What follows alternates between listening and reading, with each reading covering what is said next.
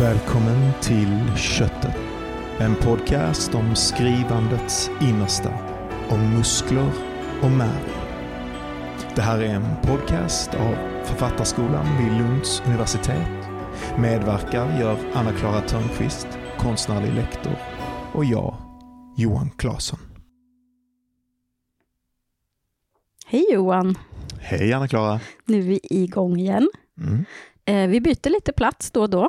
Mm. Nu är vi i det här underbara rummet på Språk och litteraturcentrum som vi precis pratade om. Doftar riktigt gamla böcker.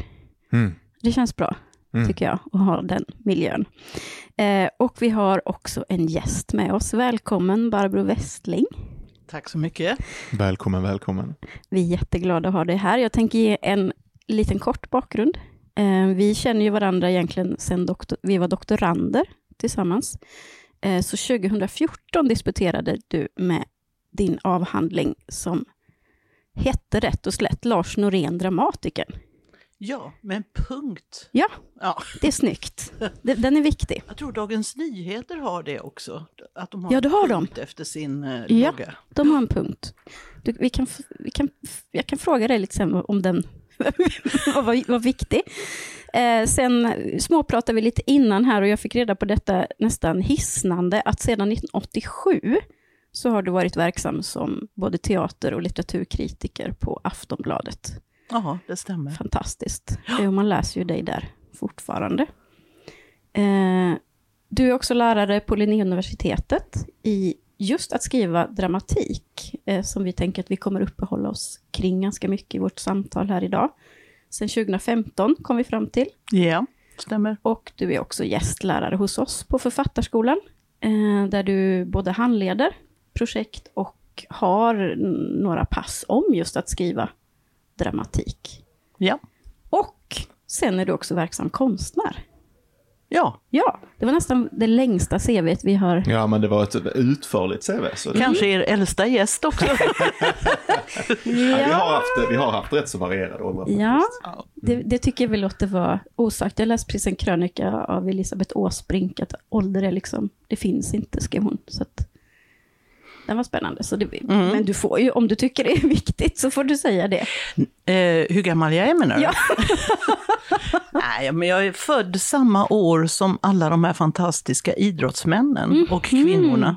Ja, och då vi vet ni vilket år det är. 1956. Ja, Är det ett eh, känt faktum att en massa, eh, det här känns som en generationell skillnad då, för jag har aldrig hört det här 1956. Jo. eh, men det är ju Stenmark, Ja. det är Björn Borg, det är Linda. Det är inte så mycket mina idrottsmän, det är det jag menar. Nu sitter han och skryter Jag sin visste inte att man ungdom. delade upp Ja, ja. idrottsmän i mina och dina. Johan är mer en Carolina Ja, Klüft-generation. Ja, okej. Precis, det, det känner jag alltid. Men hur som helst är det ju fantastiskt att ha dig med den här rika, liksom, olika ingångarna till skrivande, eh, som det ju faktiskt är, och ja, skrivande och läsande såklart. Mm. För jag tänker mig att det är lite olika läsarter du har rört dig kring när du dels eh, var verksam då som litteraturvetare, eller när du är litteraturvetare, när du handleder, när du är kritiker. Så, där, så det kan man också fundera över. Men jag tänkte vi börjar i det här, för vi hade ju, eh, Lo Mattei som gäst i vårt förra avsnitt, som delade med sig av sin erfarenhet, har gått från att skriva eh, poesi till att prova på att skriva dramatik och få jobba med en dramaturg och sådär. Och jag tyckte hon hade spännande tankar där. Men vad tänker du är den, för du handlade ju både, mm, vad ska man säga, traditionell prosa och dramatik. Vad är den största skillnaden om vi börjar där? Eh, får man säga två? Ja, det är klart man får. Jo, men då tycker jag då att eh, den största skillnaden är ju att man skriver för man skriver en text för att den ska spelas, för att den ska uppföras på en scen. Och eh, därför läsdramat är ju, vill jag påstå, en utdöd genre. Ja. Men sen visar det sig också att uh, människor läser till exempel Sara Stridsbergs pjäser mm. och så vidare. Så att det, man ska inte säga... Och men det är ju Jon däremot... Fosse som fick oh, Nobelpris nu. Ja. Men däremot är det ju väldigt få dramatiker som ges ut på förlag. Det är ju en handfull i Sverige av svenska dramatiker som kommer ut. Eh, kanske en gång per år då dessutom. Så det är bara några volymer egentligen mm. av dramatik. Som, så det är ju väldigt svårt för den som vill läsa dramatik att komma åt pjäser helt Just enkelt. Det, man måste helt enkelt gå och se dem uppsatta om man ska komma ja, åt dem. Ja, och så finns det det här drama nu och det finns mm. olika som man kan, man kan komma åt. Och man kan ju för all del höra av sig till förlagen som ger ut dramatik också, typ Colombine och sådär. Mm. Men, men det, det, är en liten process då, så man mm. måste verkligen veta vilken väg man ska gå. Men så ja, man skriver en pjäs för att den ska uppföras och för att man ska också kunna tjäna pengar på det man har skrivit. Mm. Det är ju det också som spelar roll faktiskt. Så det är det ena. Och sen det andra, eh, och det är nog kanske det viktigaste egentligen, det är det här att eh, man eh, skriver för de andra, alltså man skriver med andras röster. Mm. Och det tycker jag, eh, det kan vi komma in på senare också mera, men det tycker jag är ett litet sjå att få, att få studenter att förstå det här att man inte skriver med sin egen röst och liksom lägger in det, utan, utan just det där att man, man eh, lägger ut det på andra och att det måste vara olika sätt att tala och olika liksom att vara gestisk i språket, alltså att det blir den här dynamiken så det inte är samma röst som går igen ja. hos eh, alla de personer som är på scenen. För jag måste, Johan hade en väldigt klok, vi, vi återkommer till det här med rösterna, men jag måste fråga, för jag, när jag pratade med Lo, när vi pratade med Lo, och sen mm. har jag mm. också pratat eh, med Maria Mausbach, som också mm. är gästlärare hos oss, som har skrivit drama, då frågade jag, men får ni skriva liksom scenanvisningar och sådär. Hon sa att det är väldigt lite. Alltså får ni... Alltså Nej, men så här, skriver man inte så här, kom, någon kommer in från höger och någon... Alltså, jag tänker så här, om vi tar de här naturalistiska dramerna av Strindberg, så, det var ju otroligt. Det ska stå en gul soffa där och det ska komma en palm där. Och, alltså, det skrev han inte, men så ser inte en dramatext ut idag, eller? Alltså dramatexter kan ju se ut väldigt olika. Ja. P.O. Enquist till exempel, när han skrev pjäser, så skrev han ju, liksom, han liksom skrev sig in till scenen kan man säga. Ja, nu ah. snart började, nu mm. de för liksom mm. och sådär. Och väldigt mycket stämningar och, och, som både var någon slags blandning av hans egen stämning för att komma i stämning för att skriva scenen, men också hur det såg ut på scenen och hur karaktärerna liksom förberedde sig på olika sätt. Så det finns ju, och Peter Hanke har ju skrivit en hel pjäs som bara är scenbeskrivningar, det är inte en enda replik, den här mm. timmen när vi inte visste något om varandra. Mm. Så att... Eh, Men förlåt, ska den vara repliklös? Eller? Den ska vara repliklös, så det är bara vad man mm. kallar för scenerier, alltså att människor rör sig och ser varandra mm. och viker av, alltså rörelser på scenen och, och så. Så att det, det är, den har satts upp här på Malmö stadsteater. Mm. Och, eh, och jag har sett den i Berlin också, där den var väldigt så här koreograferad, men, mm. men, men inte en enda replik alltså. Mm. Men, eh, och en regissör brukar ju säga det att de stryker alla scenanvisningar direkt liksom, därför det. det är bara dialogen som räknas. Så mina studenter som jag har på Linnéuniversitetet, de jag menar att bli dramatiker, det är att göra många konstnärliga val också. Och det är ju också ett sätt att, att välja vilken, vilken profil man vill ha det här, om man, om man vill skriva in mycket scenanvisningar. Men det jag däremot tycker att de ska låta bli, det är det här med att skriva ut förklaringar. Mm i dialogen varför, varför, alltså det är dialogen som räknas och inte skriva ut inom parentes då hon reagerar på det och det sättet därför att det och det hon uppfattade si och så. Mm. Därför det är ju det är skådespelarens arbete. Just det, men kan man skriva, säger någon argt? Ja, jag brukar säga att då ska de verkligen fundera igenom, ja. därför att det är ju hellre lägga det i repliken, ja. så att det framgår där. Just det.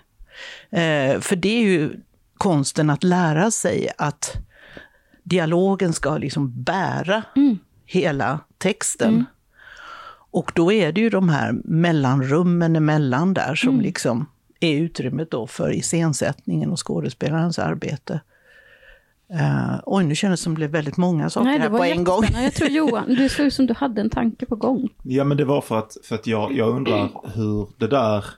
För det är en sak att kommunicera det till elever, men hur sker det i din egen process när du... ehm, du skriver ut de här karaktärerna, du skriver ut de här händelserna. ehm, till vilken grad, även i själva tillblivelsen, är så att säga skådespelarna eller någon slags föreställda Ja. fram, framtida skådespelare något sånt med i den, den kreativa handlingen. Mm. Ja, det finns ju de dramatiker, ofta etablerade då, som skriver för en viss skådespelare. Beckett gjorde ju det, han hade ju favoritskådespelare och ja, Ingmar Bergman känner vi alla till. Och Lars Norén och Martina Montelius gör det i viss mån också. Precis, Ja. verkligen. Och så att eh, eh, den, den, den möjligheten finns ju. Och det är klart, då, då, då vet man någonting om den skådespelaren när man skriver. Mm. Så att man kan liksom se, se den här personen, den här skådespelaren göra personen på Då hör scenen. man också rösten, tänker jag. Ja, Ja. säkert. Ja. Säkert. Men, eh, men det vanliga är väl att eh, Svara på det vanliga först, men svara sen hur det är för dig. jag skriver ju inte dramatik. Nej. Nej. Jo, han- han leder och Ja, just Ja, Okej. Nej, men jag, jag, det kanske vi ska komma in på, att jag, hur, vad jag har för erfarenhet. Och det är ju det att eh, när, jag, mm, när jag började plugga litteraturvetenskap så var eh, Lilla Teatern väldigt aktiv här i Lund, eh, som ju var en halvprofessionell, eller ja, egentligen ganska professionell, men jobbade med amatörer.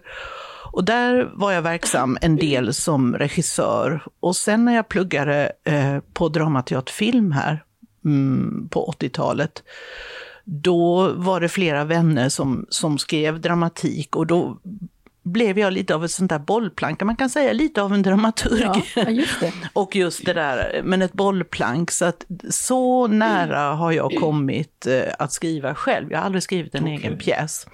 Men däremot så, så har jag varit verksam som dramaturg och eh, ja, någon slags rådgivare sådär, också i professionella sammanhang. Och så har jag läst manus och sådär som, som lektör och uttalat mig och så. så att, Och sen eh, då sett oerhört mycket Just det, sen då sett. teater. Ja. Ja. Jag tänker, vad är studenterna, alltså de, jag förstår att det är en brokig skara som söker till Linné och jag vet också att det väl är på distans. Det är det. Ja, så du som kanske så inte många alltid kurser vet, på Linné. ja, du kanske inte alltid vet så mycket om dem, men får du en känsla av vad som är ingången för dem? Alltså att vilja skriva dramatik.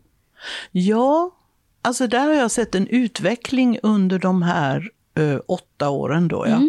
Därför när jag började där som lärare, då var det väldigt många som kom direkt från gymnasiet nästan.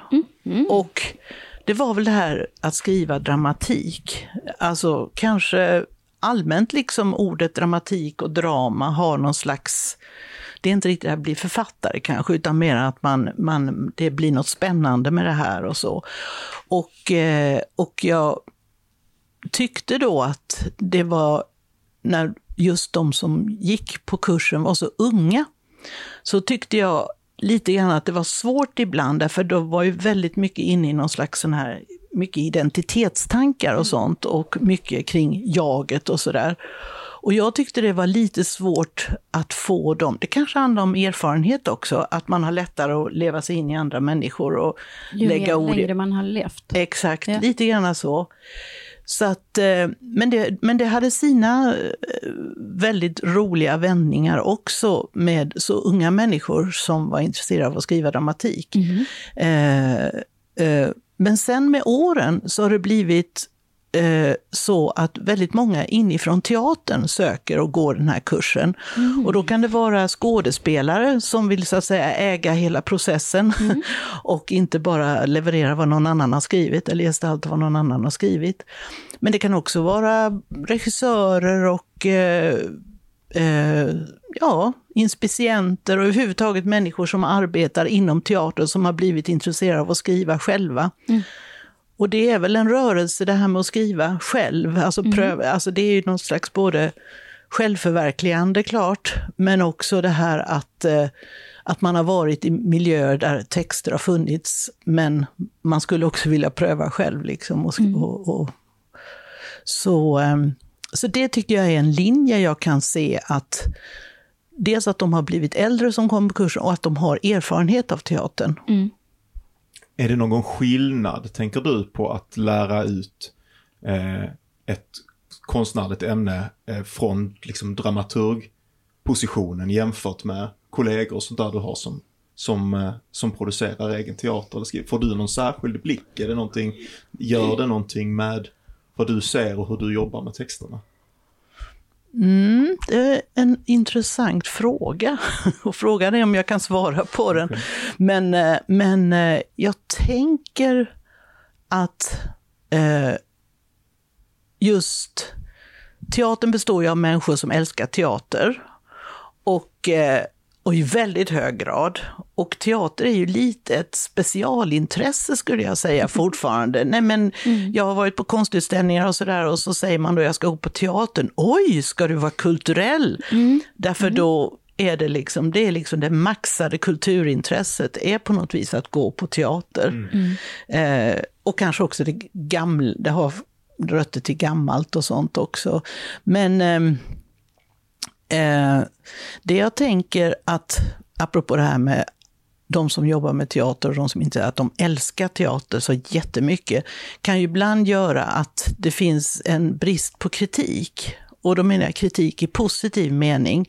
Att man, man eh, är så mån om sin konstart och älskar den så mycket så man vill liksom inte på något vis slå ner på den eller vara kritisk. Jag vet inte om det är motsvarande inom litteraturen. Känns inte så, Nej. men... Nej. Det känns som man hugger åt alla håll där. Ja.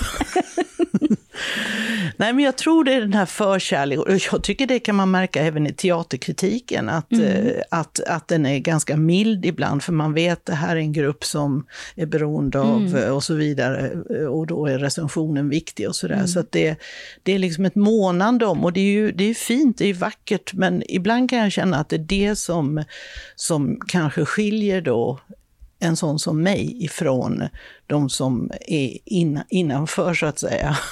Det finns någon lägre grad av sentimentalitet Exakt, exakt, till- ja. exakt. Det, det, det, det, det, och sen också det här personligen, om jag ska säga, så, så har jag ju alltid tyckt väldigt mycket om eh, från när man satt på eh, seminarier här och så, de människorna som kom när man hade la fram en text eller diskuterade en text, att de kom med ett ordentligt svar som ibland innebar att det var kritiskt. Därför det kändes, här fanns ett engagemang, än bara man sitter och tycker att ja, det är bra, det är snyggt, det är fint och sådär. För det kostar ju inte på så mycket, men det där engagemanget som är att man verkligen går in i något och, och har en synpunkt som är underbyggd, det, det, det tycker jag jättemycket om. Och jag tror lite grann att det, det kritiska sinnelaget, det är väldigt förknippat med någonting negativt. Mm. Och det tror jag är en sjuka som går genom vår tid lite grann faktiskt. Mm. Eh, eller, oj, det var ju jätte... Men, Det, men jag stora, tänker, det, det hör till, eh, hör till formen. Ja. men jag tänker, det är ju också, alltså om man skriver en dålig recension av en roman så drabbar det ju en författare och kanske någon form av Förlag. förläggare och sådär. Ja, Men om man skriver ner en teateruppsättning så drabbar det så oerhört många. verkligen. Som man vet kämpar då och kanske på eh, dåliga villkor. Alltså jag menar att de gör det ideellt eller på väldigt... Till skillnad från oss förmögna Nej, författare. nej, så- nej. Men först, jag tänker att det är Nej men absolut, och ja. framförallt en grej som, som du nu tar upp som är följden också är att nästa kväll ska de gå in Ja, och spela igen precis. med de här dåliga recensionerna i Ja. ryggen. Shit, ja. Och, och det, det var väldigt intressant därför att eh, eh, jag, jag eh, kritiserade en, pjä, en föreställning av Susanne Osten och då hörde hon av sig till mig. Och eh, inte hörde av sig till mig, utan hon skrev till mig i ett öppet brev som publicerades då i Aftonbladet. Och just, vad, just tog upp de här konsekvenserna som du nämnde då. Och, eh, och eh, då fick jag möjlighet att svara på det och, och, det, och det kändes också väldigt bra Ja. att ha en sån dialog Ja, tog- offentligt. Ja, man tar ja, det på allvar ja, verkligen. verkligen. Men jag tänker, det här är ju intressant, tänker jag, för om man recenserar en roman, då recenserar man ju texten. Mm. Eh, man ska göra det, man ska inte recensera författaren, till exempel. Även om det kanske görs ibland, men det, kan, det är en helt annan diskussion. Mm. Men när, när du då skriver, går och tittar på en uppsättning, hur mycket betyder alltså ursprungstexten då? Alltså det som du undervisar i att skriva, säger man manus? Det säger man, eller nej? Ja, eh, ja alltså Eller en pjäs. pjästext. En ja, pjästext, pjäs, ja. ja. Mm. Kan man, men som, hur förhåller sig då eh, den rena texten till det performativa? Och vad är det man går in Ja. och tittar på? Kan man liksom säga att så här, det här var, måste varit en dålig pjäs? Eller? Nej men precis, det där är ju, alltså det är ju en diskussion sedan de gamla grekerna faktiskt, Ja. det här med mimesis. och, många. Ja. Ja, nej men och det här med framställningens roll Ja, som då det. kan förtrolla och ja, allt det där. Men eh, det är svårt. Ja. Det är supersvårt. Ja. Och speciellt om man inte känner till texten innan och inte har beställt Nej. fram den och läst den och så. Därför att det finns ju en förförelsens stund på teatern verkligen, Mm. Ja, liksom, som precis. kan vara hela föreställningen. Och då att sitta med huvudet klart och liksom skilja Mm. på där är texten, där är föreställningen. För de, de tu bliva ett ju i Mm. en föreställning. Men eh, jag brukar nog försöka läsa texten innan. Jag har gjort lite olika, men, men då är man liksom, då har man ett grepp om den på något sätt. Och sen kan man då urskilja med hur man, var man har lagt det på, på scenen och hur det... Men det är, det, är, det är väldigt svårt. Ja, för det är någonting som sker med, det tycker jag är intressant, för vi, just nu pratar jag med våra, de studenterna som går första året om eh, receptionsteori, alltså vad händer när vi läser, hur tolkar vi text och sådär, för att som en ingång till att ge respons och få respons, och så behöver man ju förstå eh, att tolkning alltid utgår från en läsare och sådär. Mm. Eh, och det är en sak, men just när man skriver drama så blir det där ännu mer att det Mm. alltid ska tolkas Mm. och i viss mån skulle kunna bli bättre än grundtexten kanske. Absolut. Kan du se, alltså hur bedömer du då själva, att- alltså bedömer, jag, jag vet att du inte, jag menar inte sätta betyg, utan hur Nej. handleder du, hur liksom jobbar du väldigt, hur jobbar du konkret med de texter du får inlämnade liksom? Ja, jo, jag tycker, jag, när jag började vara lärare på den här att skriva dramatik, så tänkte jag att jag måste med en gång göra klart, både för mig själv och för de som går kursen, att det här inte är såna här eh, nu ska jag lära ut vilka tricks så att ni får de här, utan att jag utgick ifrån att de som sökte sig dit ville lära sig grunderna så att säga, att skriva dialog, men sen att eftersom det är en universitetskurs och, och det tycker jag är viktigt, liksom att där är den här att man utvecklar ett, ett ege, en egen röst, en, Mm. en egen eh, konstnärliga, som består av konstnärliga valen. Eh, så att eh, det inte göra någon slags mainstream-kurs, Nej. att så här gör man och, Nej. och så här funkar det.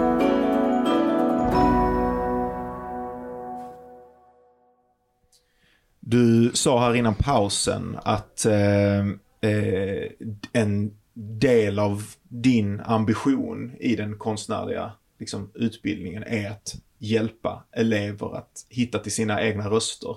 Och min känsla, det har vi ju pratat om hur mycket som helst Anna-Klara, är också att det här är det är den stora frågan. Vad är min röst? Vad är min begär? Vad är det problemet som jag har? Etc. Vad är det som är mitt skrivande? Inte något annat skrivandes start? Punkt eller någonting utan mitt eget. Vad är det att försöka puffa elever mot det? Hur ser det arbetet ut i din erfarenhet?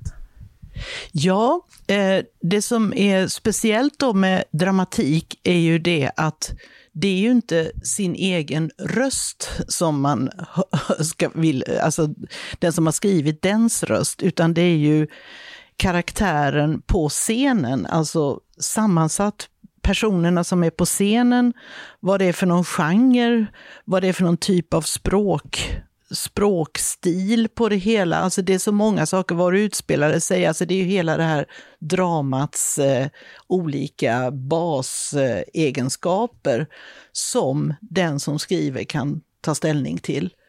Eh, och om jag ska jämföra med eh, Författarskolan då, där ju de som jag har handlett har skrivit prosa, så, så är det ju ändå, man pratar om författarens närvaro och, och, och att det är ett plus och, och auktoritet och så där vidare. Så på det sättet är det ju verkligen eh, ett subjekt som står bakom där. Men här på, när man skriver dramatik så är det ju mera vad det är för någon karaktär på scenen.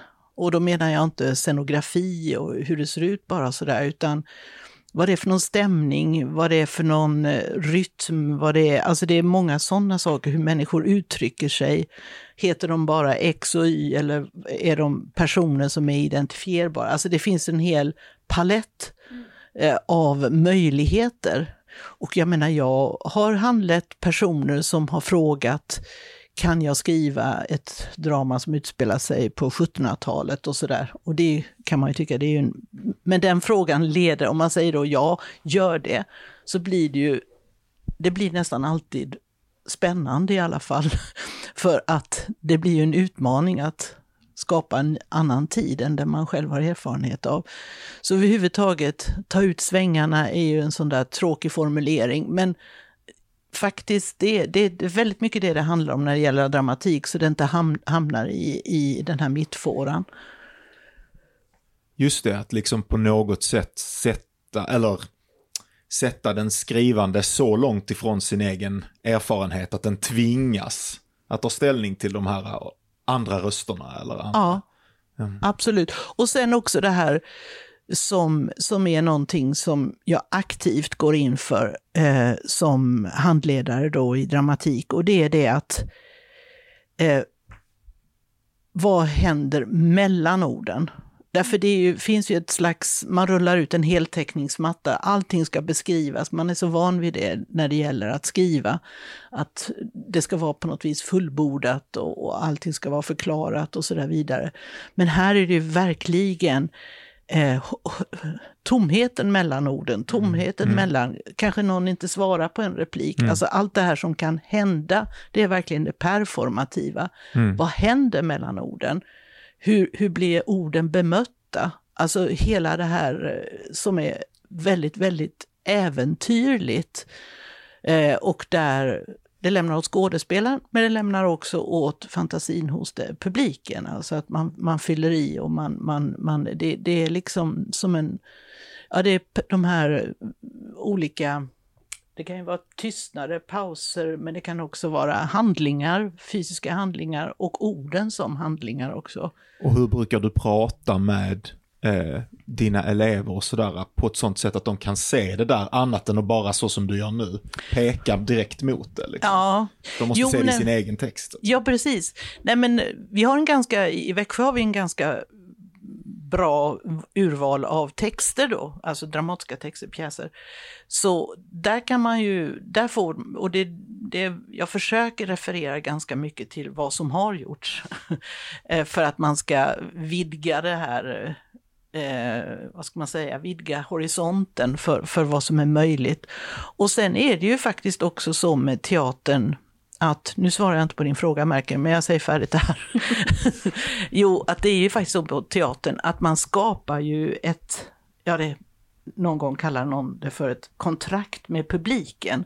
Att man går med på vissa saker du, du, den, de här personerna kanske, det är inte realistiskt, behöver inte vara realistiskt så att man, ja men så pratar inte någon sån eller så inte mm. så. Så man skapar från början någon slags artificiellt kontrakt. Att mm. nu, nu låtsas vi att det är så här, mm. det är mm. så här ni ska fatta det här. Och så kör man utifrån det. Och, eh, och det är ju någonting också som, det kan man kanske säga om prosa också, att man skapar någon slags nu, kontrakt med läsaren. Men jag tror att läsaren är mera, är van vid fler stötter i sin mm. läsning än vad, än, vad, än vad någon som skriver från teatern. Därför där tar ju liksom skådespelaren, regissören och alla de andra över liksom och, och tillför de där stötterna då i, i olika grad. Men vad var nu din fråga?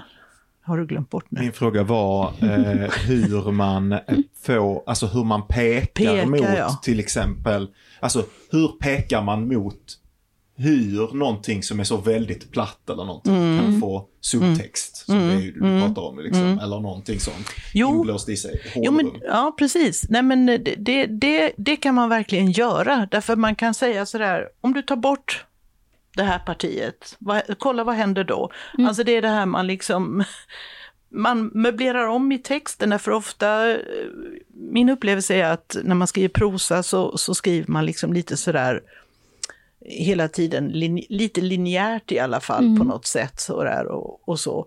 Men här kan man ju verkligen, det är en ny scen. Man, gör, alltså, man kan laborera med materialet och väl studenterna börjar experimentera på det så kanske sätter slutet först. Vad händer då? Kanske alltså överhuvudtaget eh, gör sådana drastiska ingrepp i sin text och ser vad som händer då. Eh, och det tycker jag har, har jag upplevt har hjälpt väldigt många att, att inte vara så högtidliga för att nu har jag skrivit det här och det här och det här, utan liksom Men och det, det- kan man ju göra med dramatik på Ja, ett jag annat tänker att sätt. det är mycket mer lätthanterligt. Mm. Eh, om man tänker så här, en prosatext, då ska man lyfta stora, tunga Ja. betongblock Ja. för att flytta och byta. Man gör, kan ju göra det och göra det där också, men här är det som att man har så frigolitblock som man kan bara testa lite. Ja, eller precis. precis. Och då märker man ju också, alltså det, det kan hända så väldigt mycket att man kan få syn på personer på ett annat sätt när det, och så vidare. Jag tänker, du har ju du har liksom otroligt rik erfarenhet som du sitter med, liksom en bas, både som liksom kritiker och, och forskare och han leder prosa och han leder drama då. Eh, så jag har egentligen två frågor. Den ena är egentligen vad du skulle, vad du tänker att du från din erfarenhet av att handleda dramatik kan ge de som skriver prosa. Eh, för, och, ja, och det leder till min andra, det är liksom tvådelat, för jag tänker dialog, det ska vara viktigt säger du och så, så tänker jag, ja men det är det väl i prosa också, eller? Eller är det så att man kan svamla på mer i prosa? Behöver inte varje replik vara viktig? Hur, hur tänker du där? Ja, eh, dialogen, det är ju det enda som finns i ett drama ju. Mm. Eh, så det är ju absolut livsviktigt. Och dialogens roll i prosan kan ju också vara väldigt framträdande. Men eh, eh, många använder ju dialog för att dels skapa variation i en roman, men också att skapa någon slags känsla av att vara där, att få den här autentiska känslan och få en direktkontakt med, med personerna som talar sådär. Eh, och eh, ja, alltså eh, jag tror att jag är lite på min vakt när det gäller just eh, när jag handleder de som skriver prosa på Författarskolan, så är jag på min vakt mot sån här slapp dialog. Mm, jag, tänk, jag tänker det, att du måste ha en blick för dialog. Jo, Ja. det tror jag. Eh, därför att Och Ja. vad är slappdialog? Nej men det är väl sådär mainstream realism, alltså att man använder det just på det här sättet. Nu ska, nu ska det vara lite grann sådär, så här, ungefär så här pratar den här personen. Och så ser man liksom inte möjligheten att skapa dy- dynamik i dialogen därför att det blir någon sån här eh, bara realistiskt eh, eh, ja, filter som liksom är lagt över hela. Men man kan ju Även fast inte man skriver dramatik kan man ju skapa en dynamik och undertexter och där personerna svarar på undertexten och inte på det som sägs och så här. Alltså nästan så att du tänker att slapp dialog, det är att man bara jagar efter någon slags skimmer, alltså mimesis eh, av Ja. verkligheten. Alltså Ja. så här, folk bara babblar men det finns inget kärnfullt, det driver inte fram. Nej, och det kanske inte den personen som skriver romanen vill ha heller.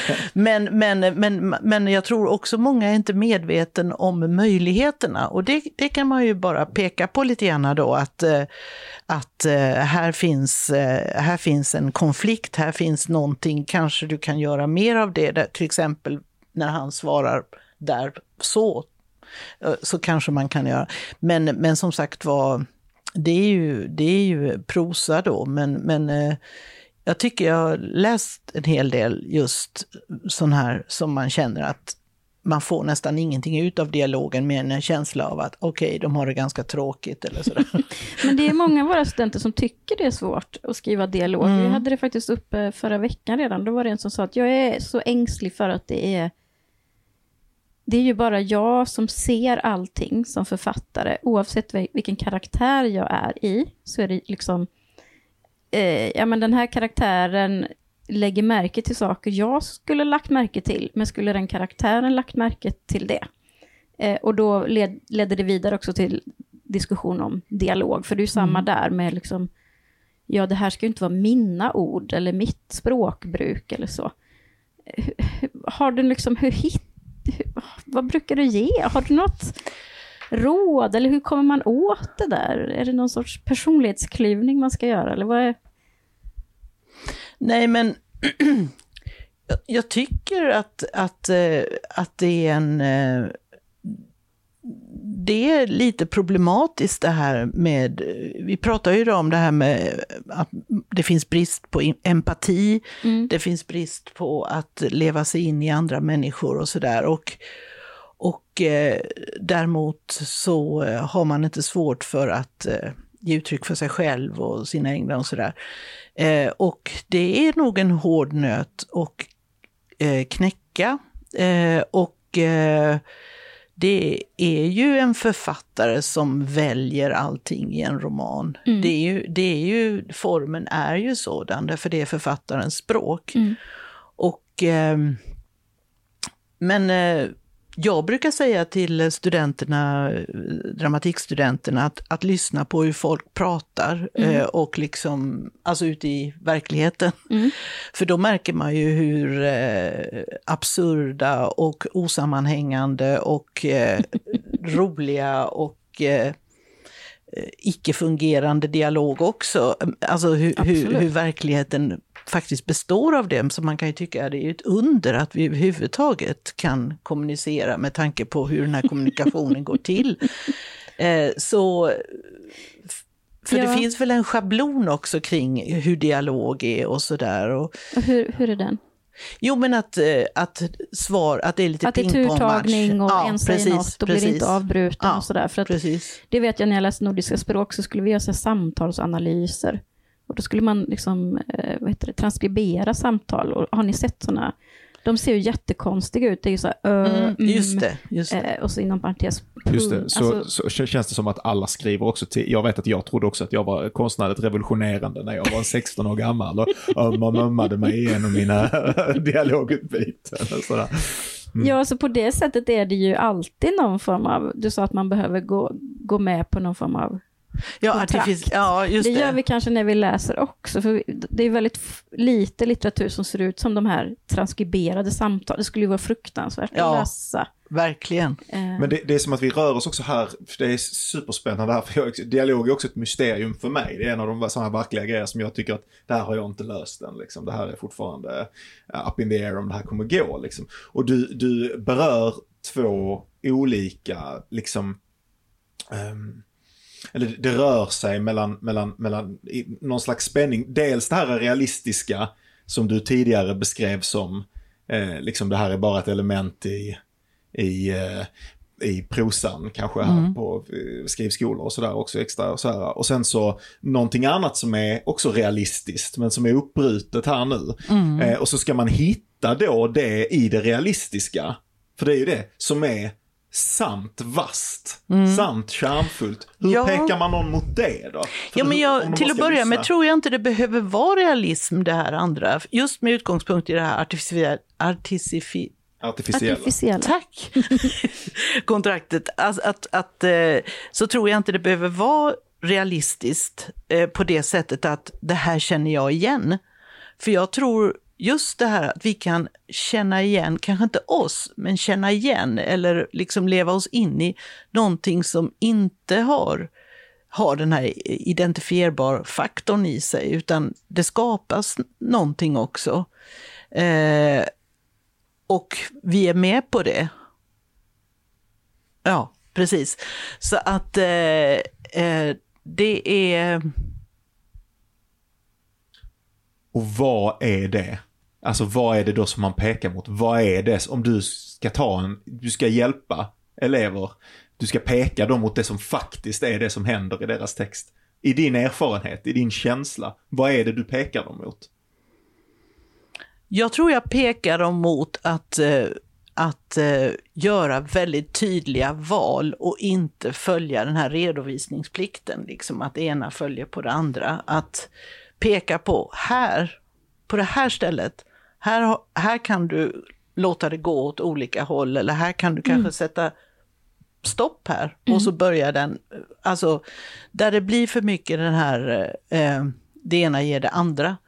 Eh, ehm, och det tycker, jag, det tycker jag nog jag kan se väldigt tydligt i texter när, eh, när, det, när det just bara rinner på. Mm.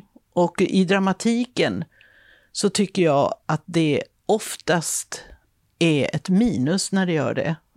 När det rinner på? Ja, Går det för lätt? Eller vad är det som är ett minus? jo, just det. Ja, här låter som jag verkligen håller på spränger hela... ja, ja men det är jätteintressant. Nej men, nej men just det här att det rinner på så att man nästan kan eh, automatisk skrift alltså. Mm. säger den det, så säger den, så säger Ja, den, ja. så säger den. Så. Att, att det finns inga, inga käppar i hjulet. Nej, nej. Att, att det är någonting som du lägger vikt vid är urvalet, liksom, Ja, som en del av ja. processen. Ja. För det är väldigt lätt att romantisera kring, det är ju definitivt jag också så här, romantisera kring det, det öppna flödet. Liksom. Mm, Då känner mm, man sig som mest mm, i kontakt mm. med sin kreativitet. Men det, det kanske är någonting, någonting annat. Det öppna flödet kanske ändå inte överförs till sidan, utan sen är det urvalet Mm. ur det öppna flödet som på något sätt är... Ja, och sen också övervägandet. Därför just eftersom dialogen är det enda mediet för dramatik, eh, så, så är det ju verkligen det här att gång på gång gå över dialogen och se, okej, det här kommer automatiskt, men vad händer om, om den, om jag tar bort den repliken där och Mm. den inte svarar då? Vad händer då? Alltså lite det här eh, motverka automatismen i, Mm. i dialogen. Men någon, jag får någon bild av att liksom dram, en dramatext, det är ett rum möblerat utifrån någon sorts minimalismstil. Och ställer man då en röd vas i det rummet, då måste man tänka väldigt, väldigt noga på vad man ställer det i, för att allting syns oerhört Mm. väl. Medan en, en prosatext är mycket mer ett bohemiskt bricka-brack-hem, där den här vasen bara smälter in i all, allt annat som Ja, kan man tänka sig så? Alltså att ja, saker syns mycket mer i ja. en dramatext. Ja, Just när vi- repliker ja. om man då- då överför från ting till ord då, så Ja. repliker, absolut. Mm. Det Men det behövs också en röd vas. Ja, För att annars blir det bara vit, mm, vit, mm, mm. vitt och smälter fräscht. in i miljön ja. ja. Jo men visst.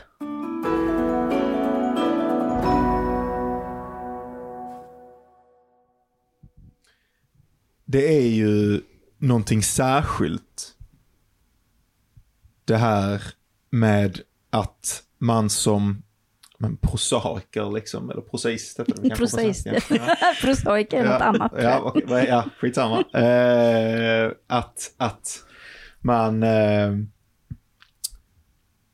lämnandet utav texten, då, är, då lämnar man ifrån sig någonting färdigt som man såklart lämnar till en läsare eller någonting och så får man, det är så långt man får lov att färdas med texten, sen gör den resten av sin grej, så att säga, eh, själv. Ehm, men det där överlämnandet ser ju lite annorlunda ut eh, när man har skrivit en dramatext. Eh, hur tänker du kring det överlämnandet? Jo, ehm, det är ju en väldigt stor sak därför att eh, skriver man en text så vill man ju gärna skriva den så långt som det bara är möjligt så att den motsvarar vad man vill ha sagt eller vad, ma- hur man vill att den ska se ut. Och när man väl har gjort det så ja, får man en antagen så möter man en, eh, en redaktör och förläggare och sådär. Men, men man står ju på, man vet ju vad man har skrivit och man vill så långt det bara är möjligt att det ska vara så. Eh, det är ju helt annorlunda för om man skriver en pjäs. Därför att det bygger ju på att man på något sätt eh, överlåter sin text för att fullbordas. Det finns en gammal diskussion omkring det här. Är en dramatisk text fullbordad eller blir den fullbordad först på scenen när mm. den möter de som sitter i publiken nämligen? Eh, och, eh, men det förutsätter ju då hos den som skriver sin pjäs att den är beredd på detta att överlåta det man har skrivit till ett helt annat gäng som, eh, som, eh, som då eh, skapar den form som den sen, pjäsen sen möter sin publik i. Så det är ju liksom en tvåsteg, ett extra steg där, mm. där eh, genom teaterhistorien så, så finns det ju de som har reagerat och sagt att det här, är, det här är inte min pjäs längre. Och det har ju funnits exempel där de till och med har velat stoppa eh, eh, uppsättningar och sånt, när, de, när dramatikerna förstått vilken typ av, av, eh, av eh, uppsättning det här ska bli. Men personligen så tycker jag att det är det som är det samtida med dramatiken, nämligen att det går gen, att det, processen fortsätter mm. och det bjuds in andra som gör tolkningar och så vidare. Alltså att det är ett slags öppen text också. Det tycker jag är väldigt lovande för framtiden, eh, att författarrollen inte är så exklusiv. Mm. Och då pratar jag lite mot mig själv, för jag sa just det här att, man, att jag vill att de som går kurserna ska, ska verkligen få fram sin egen konstnärliga röst, liksom, eller profil. Eh, men, men väl man har gjort det så, så tycker jag det är något fantastiskt det här med att, att en första eh, tolkning görs och det är den då som möter publiken. Eh, att, det, att det öppnar upp för det. det. Det känns, plus att jag tycker att dramatik är ett samtida form på det sättet att den handlar om andra människor och inte bara om jaget. För eh, eh just det här att eh, kunna skriva som andra människor och inte bara som sig själv. Eh, det, det tror jag är, rent politiskt så tror jag det är en nödvändighet för att vi ska överleva på den här planeten. Hur, för, hur förbereder man en elev till exempel? För Förbereder? För ja. ja, det är genom att vara så hård som möjligt. nej, men, nej, men det är väl just det här att peka på att texter kan, att de kan dras åt olika håll, att man blir medveten om. Därför jag tänker att ordet är så heligt. Ja, men jag har ju skrivit det här kan man säga. Mm. Ja, kanske inte riktigt. Att man gör, inte så att man ska göra sin text vattentät på något vis, att mm. det inte ska mm. uh, vara säker för alla attacker. Men, men, men lite att man, att man ser hur vill jag ha det, att man blir varse att saker som man har skrivit kan tolkas på olika sätt och sådär. Att det, vilka val man har som, som den som skriver en pjäs. Eh, det ser jag som min uppgift, en av dem, att just eh, öppna för, för den här horisonten av möjligheter. Eh, som ju verkligen, när, när en pjäs handlar om flera personer, att, att, att det finns så, så mycket där man kan välja mellan som den som skriver. Men ska man tänka på det när man skriver också. För, eh, jag ska fortsätta den frågan, för det var lite så. För ibland säger vi till våra studenter, tänk inte på läsaren nu, utan jobba liksom dit texten vill på något sätt. Mm. Men om man skriver dramatik, ska man ha med sig detta hela tiden när man skriver? Eller? Nej, men jag tror också på det här att skriva igenom och mm. se. Men sen den här oerhört viktiga processen mm att väga allt och liksom mm. se om man flyttar och så där vidare som jag mm. beskrivit innan. Eh, men jag tror också på genomskrivningar mm. och liksom eh, få, få det ur sig så att mm. säga. Men, men sen att gå in och, eh, och detaljgranska och ta bort och ja, allt det här, lägga in en paus. Pauser och tystnad är ju oerhört viktiga också i mm. dramatik. Mm. Vilket ju kan vara, upplevas som ett hot kanske för en prosa. Alltså mm, plötsligt blir det, det, tomt liksom. Ja. Va? Här, är, här är det en tillgång i, i dramatiken ju. Jag tycker det låter ganska, jag är nästan sugen på att skriva dramatik. Alltså det låter ju helt fantastiskt på ett sätt. Alltså jag förstår att det är en kontrollförlust, men det är ju också någonting, det är ju där magin, alltså det är otroligt häftigt. Anders Palm, gamla handledare, han brukar prata om artefakt och arteakt. Mm. Liksom att sätta texten i rö- Det här blir ju det väldigt bokstavligen sådär, att se det, se liksom det konstverket bli till liv. Mm. Det måste ju vara Mm. magiskt. Just det, och nu när vi nu då är så ense om, i alla fall du och jag, Anna-Klara, om dramatikens förträfflighet, så kan jag ju säga det att lägga in här som en liten brasklapp att teaterhistoriskt, jag menar under lång tid fram till yrkesregissören gjorde sin entré i slutet på 1800-talet. Eh, innan så regisserade man ju inom gruppen och så där, det fanns ingen eh, professionell roll så var ju pjästexten det allenarådande och det handlade om att förmedla den på Ja. bästa sätt och sådär. Men under 1900-talet successivt så har ju föreställningen som består av eh, musik, Mm.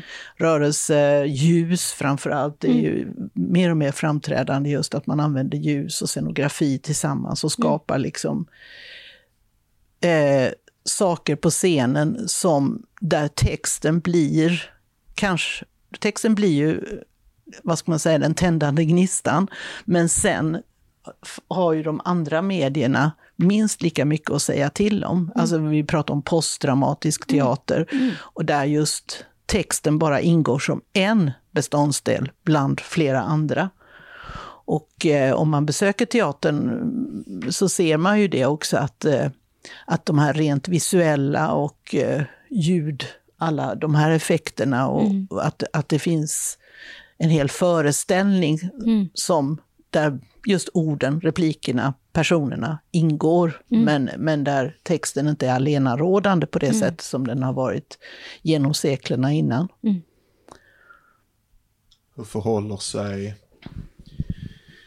de som du handleder och sådär till den? Det är ju en, jag vet inte om det är en prestigeförlust, men det är ju åtminstone, det, det, det är ju att ta ett steg tillbaka och ta någon slags intermedial approach redan i begynnelsen. Liksom. Ja, det är sant. Och, eh, och då kan ju just det här med överlåtandet bli ett problem om man inser att man har skrivit en text som verkligen bygger på, eh, kanske inte litterära poänger, men ändå med poänger som har att göra med språk och, och en helhet, en språklig helhet. Och så eh, blir det en föreställning där, där helt andra tecken på scenen tar överhanden. Så då, då kan det ju bli, men, men, men jag upplever nog att eh, yngre människor också är väldigt måna, alltså de är väldigt inne i den kulturen. Eh, där är väl själva teaterkulturen har liksom hakat på lite senare och, och idag är det ju en väldigt eh, teknisk finess och allting kring, kring allt det där. Så att eh, eh teatern har kommit ikapp, men jag tror unga människor är ju väldigt inne i den kulturen och, och är medvetna om att orden, orden, hur de passar in i det. Jag tänkte vi ska börja avrunda. Jag lovade ju återkomma till den här punkten i din titel på avhandlingen. Du sa, du sa punkt sa du. Varför, varför var det den viktig? Nej, men jag tror... Alltså det var väl väldigt mycket som var, var samlat bakom den, men, men eh, på något vis ett slags eftertryck. Mm. Vi Alltså, säger namnet på avhandlingen igen bara för att... Lars Norén, punkt. Dramatikern. just det. Mm. Och då, därför min avhandling handlar ju lite grann om the shaping of, the making of Lars Norén, där jag ju menar att teatern i hög grad var med och skapade eh, hans dramatik. Rent bokstavligt för att man kortade och strök och undersökte hur det funkade. Och Norén var ju själv med under repetitionerna och sa nej, nej, nej, okej, jag går hem och skriver om det här och så kommer jag med nytt imorgon. Alltså mm. verkligen tog lärdom av, eller såg möjligheterna kanske snarare av när skådespelarna gjorde hans texter på scenen. Så såg han helt andra möjligheter och ville gå vidare åt ett annat håll. Så eh, teatern var ju i hög grad med och skapade det som blev Lars Norén, vilket då på något vis Lars Norén, det här monumentet då, som, mm. men som samtidigt en gång och fortsatt, fortsättningsvis var helt öppet för just vad teatern gjorde med hans texter. Det är ju en liten paradox där kan man ju säga, att han blev ett sånt stort och överflyglande författarsubjekt, samtidigt som då processen bakom som ledde fram till det bestod av väldigt många olika människor och omskrivningar och omtagningar och alltihopa det här. Ser du det som någon slags ideal? Eller det, var bara en, det här var bara ett konstaterande av ett historiskt fakta när du skrev det här? Ja, det var väl framförallt ett, eh, jag tyckte det var intressant med denna, denna författarrollen, hur den växte fram. Men jag ser det ju eh, som en tillgång att en författare inte bara är innesluten i sig själv, utan är öppen för ett tidigt mottagande också och kan mm. ändra, eh, alltså jag, jag ser det som en, en, en väldigt lovande författarroll faktiskt. Mm. Och hur tänker du att, för, att folk eh, utanför, om du, för du, du är, du är lärare och folk som skriver prosa och sådär också, hur tänker du att andra kan nyttja den typen av författarroll? Eh, Jo, men det är väl faktiskt Författarskolan exempel på. Oj, mm. nu låter nu blir det inställsamt Nej, men nu blir det ju väldigt bra avslut Fortsätt bara.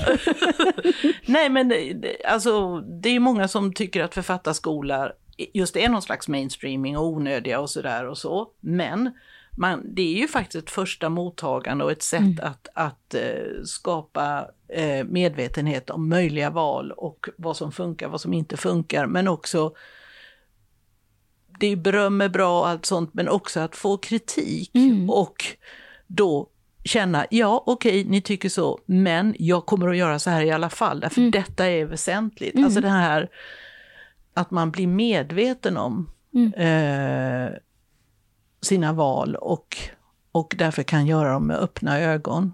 Och ja, jag, jag tror faktiskt på det. Mm. Ja, men jag skulle absolut säga att Författarskolan är ganska mycket att göra en väldigt ensam, alltså en, en i grunden och eh, så ensam sysselsättning till kollektiv. Det betyder ju inte att var och en inte skriver det de själva skriver, men att de skriver, allt de, jag brukar säga det i början på utbildningen, att allt ni skriver, allt ni läser kommer liksom rinna in i ert eget skrivande. Så att ni kommer faktiskt ha varit med och skrivit i varandras texter på ett sätt. Och då blir de alltid lite ängsliga. Men så, så ser jag på det och jag ser det som en en stor tillgång faktiskt, mm. Eh, det kollektiva. Där. Jo, också det därför att om man får ett bemötande så blir man ju också varse mm. vad det är man har gjort. Absolut. Och då kan man gå ännu striktare åt något annat håll då i mm. så fall. Alltså jag menar, mm. så det är ju inte bara det här att man ska, allt ska bli likt vartannat och det blir någon lervälling av nej, alltihopa. Nej, det blir det inte heller. Nej, Absolut nej, inte. Nej. nej. Nej. Och vad fint, vi, vi, vi liksom landade i författarskolan, det tycker vi om. Det blir, du, då blir du väldigt glad Anna. ja, då blir ja. jag glad. Ja, nej, men det var väl väldigt fint. Ska ja, vi, eh, ska vi, vi uh, tacka dig för att du har kommit hit Barbro? Tack så jättemycket Barbro. Och tack, säger jag. Och tack Anna-Klara. Tack Johan. Och tack alla som lyssnat.